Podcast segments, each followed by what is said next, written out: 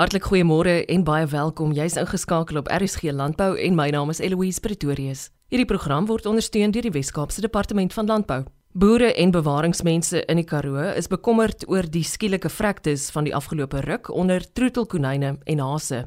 Die Trust vir Bedreigde Dierelewe, of EWT, is besorg dat die omvang van die vrektes verdere druk op getalle van die bedreigde oeverkonyn sal plaas. Namakaro koördineerder by EWT, Bonnie Schumann, sluit nou by ons aan sodat ons meer te wete kan kom oor die saak en sy verduidelik ook wat boere te doen staan sou hulle dooie hase in die veld kry.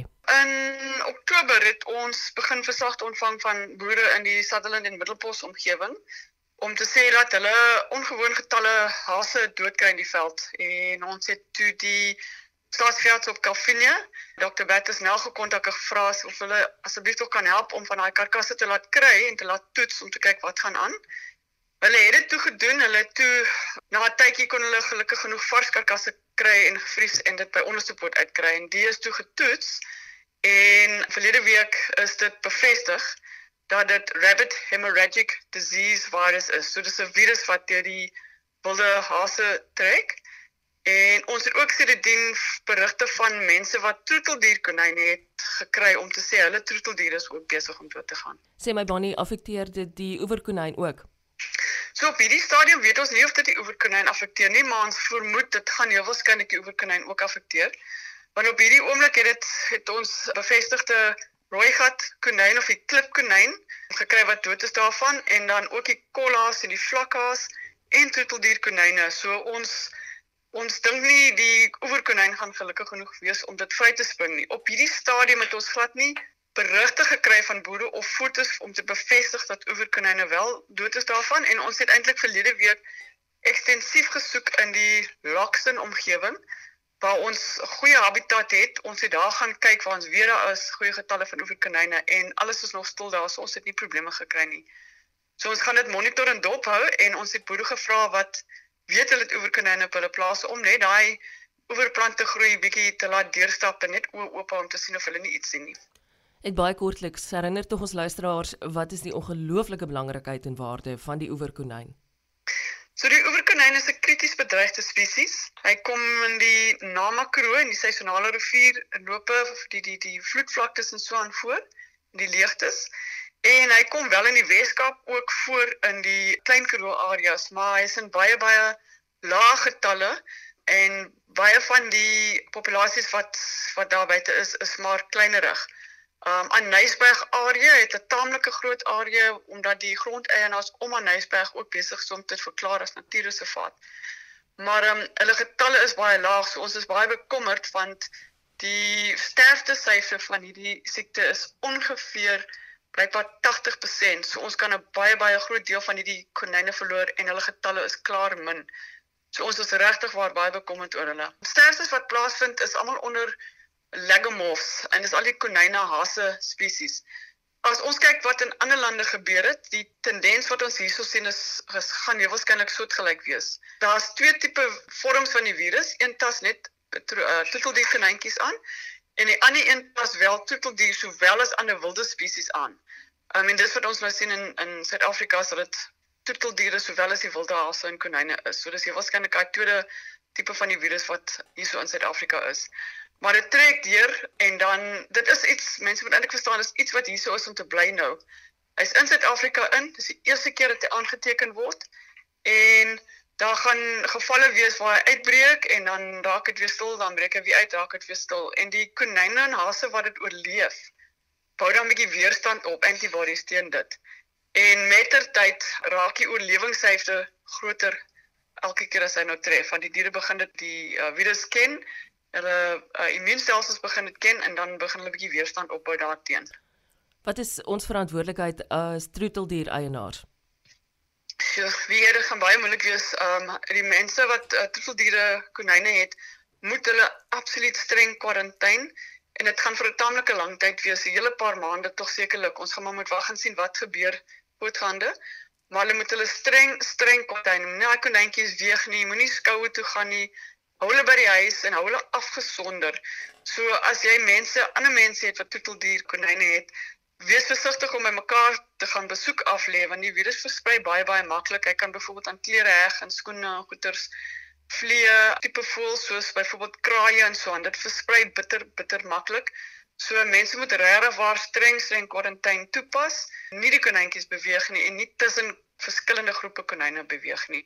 Mense wat ook die daar's baie uh, plekkies wat rehabilitasie van troeteldierkonyntjies doen. Sulke rehabilitasies plekkies, hulle moet hulle moet ook streng streng kwarantyne toepas as hulle verwaarlose kon, uh, konyne inkry, moet hulle daai diere streng streng streng kwarantyne en nie in hulle bevolkingkie inbring nie.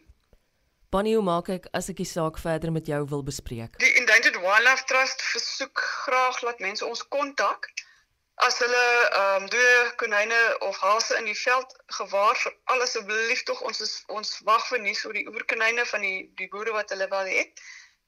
En hulle kan vir my kontak of op my selfoon of my WhatsApp of hulle kan vir ons e-pos by ewt@ewt.org.za ewt@ewt.org.za ons wil graag van mense hoor.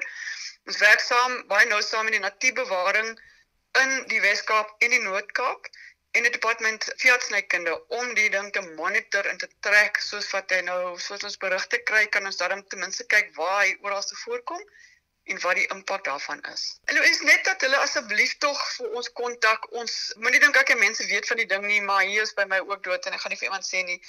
Hou aan om vir ons te sê, dit gaan ook belangrik wees om te weet waar hy nou eers uitgebreek het en die mense het nou dooie hase gekry in die veld. Dan kan ons ook wel weet, begin jy weer lewende hase sien.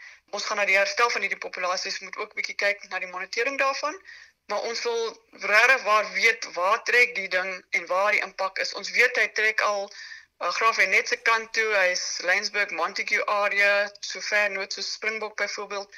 Maar daar is baie om te weet waar en wat gaan aan. En mense as hulle iets gewaar, ons vra hulle moenie aan die karkasse en goeders vat nie as hulle iets gewaar laat weet asseblief tog vir ons ook so hulle naaste staatsveearts te kontak sodat hulle monsters kan gaan samel en instuur na onderste poot toe sodat daar net gekyk kan word en bevestig is dit dieselfde ding wat in die verskillende streke is. So ons vra graag asseblief tog dat as mense dooi hase in die veld gewaar laat hulle hulle naaste staatsveearts kontak dat hulle kan monsters neem en laat wegstuur net om seker te maak dis dieselfde ding wat in die verskillende streke plaasvind.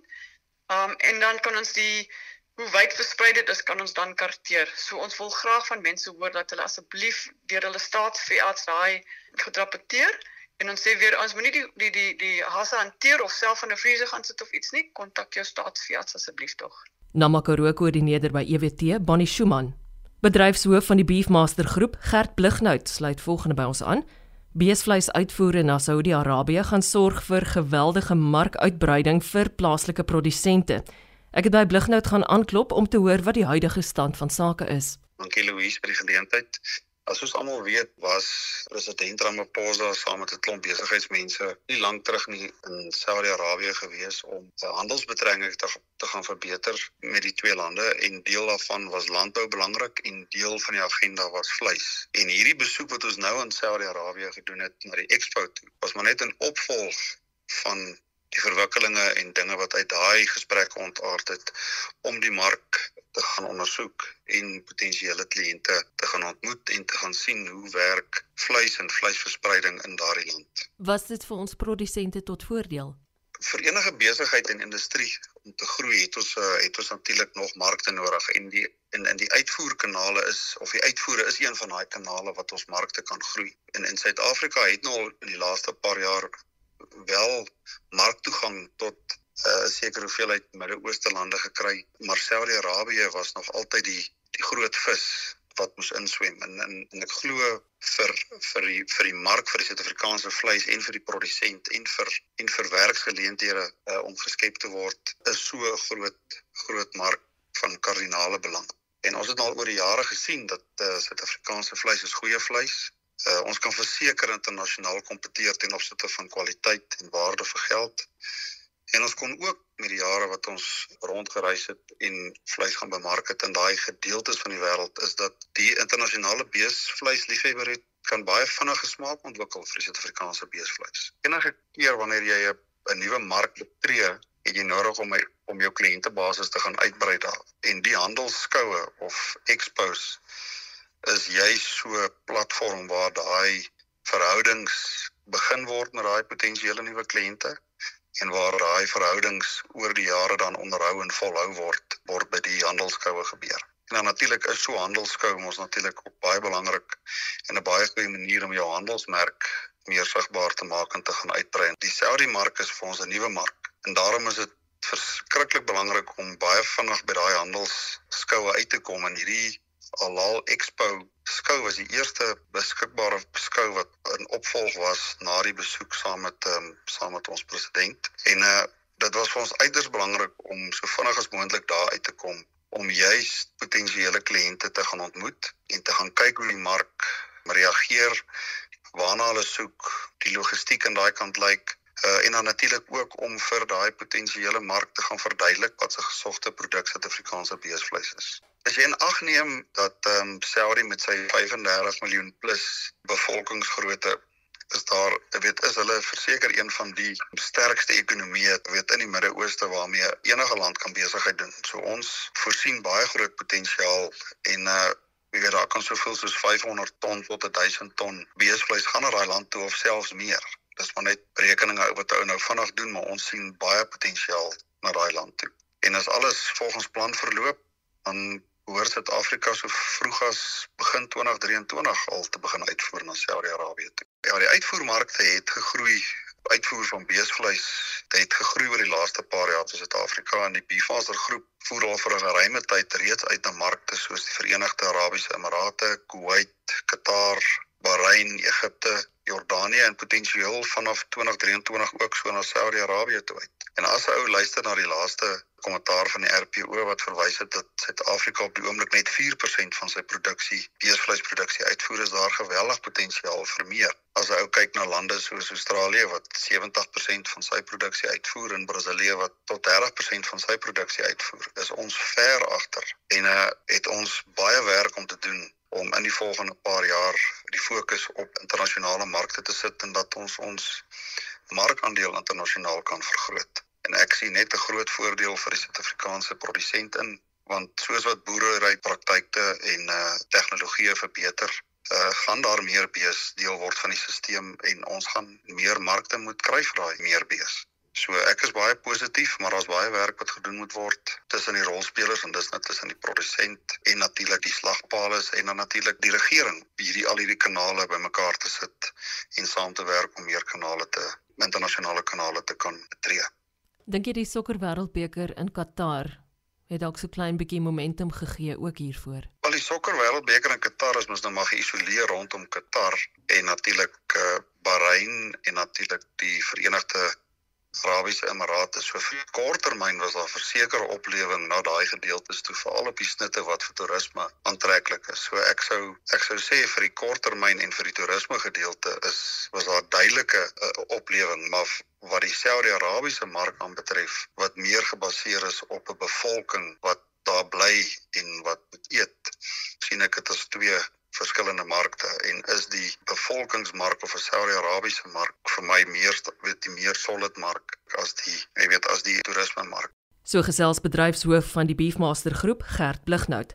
Dis dan ons program vir vanoggend en dit was my heerlik om so op die eerste Vrydag van die nuwe jaar saam met jou te kuier en lekker landbou nuus te deel. Maak seker jy luister na al ons programme deur gereeld te gaan kuier op www.elsenburg.com.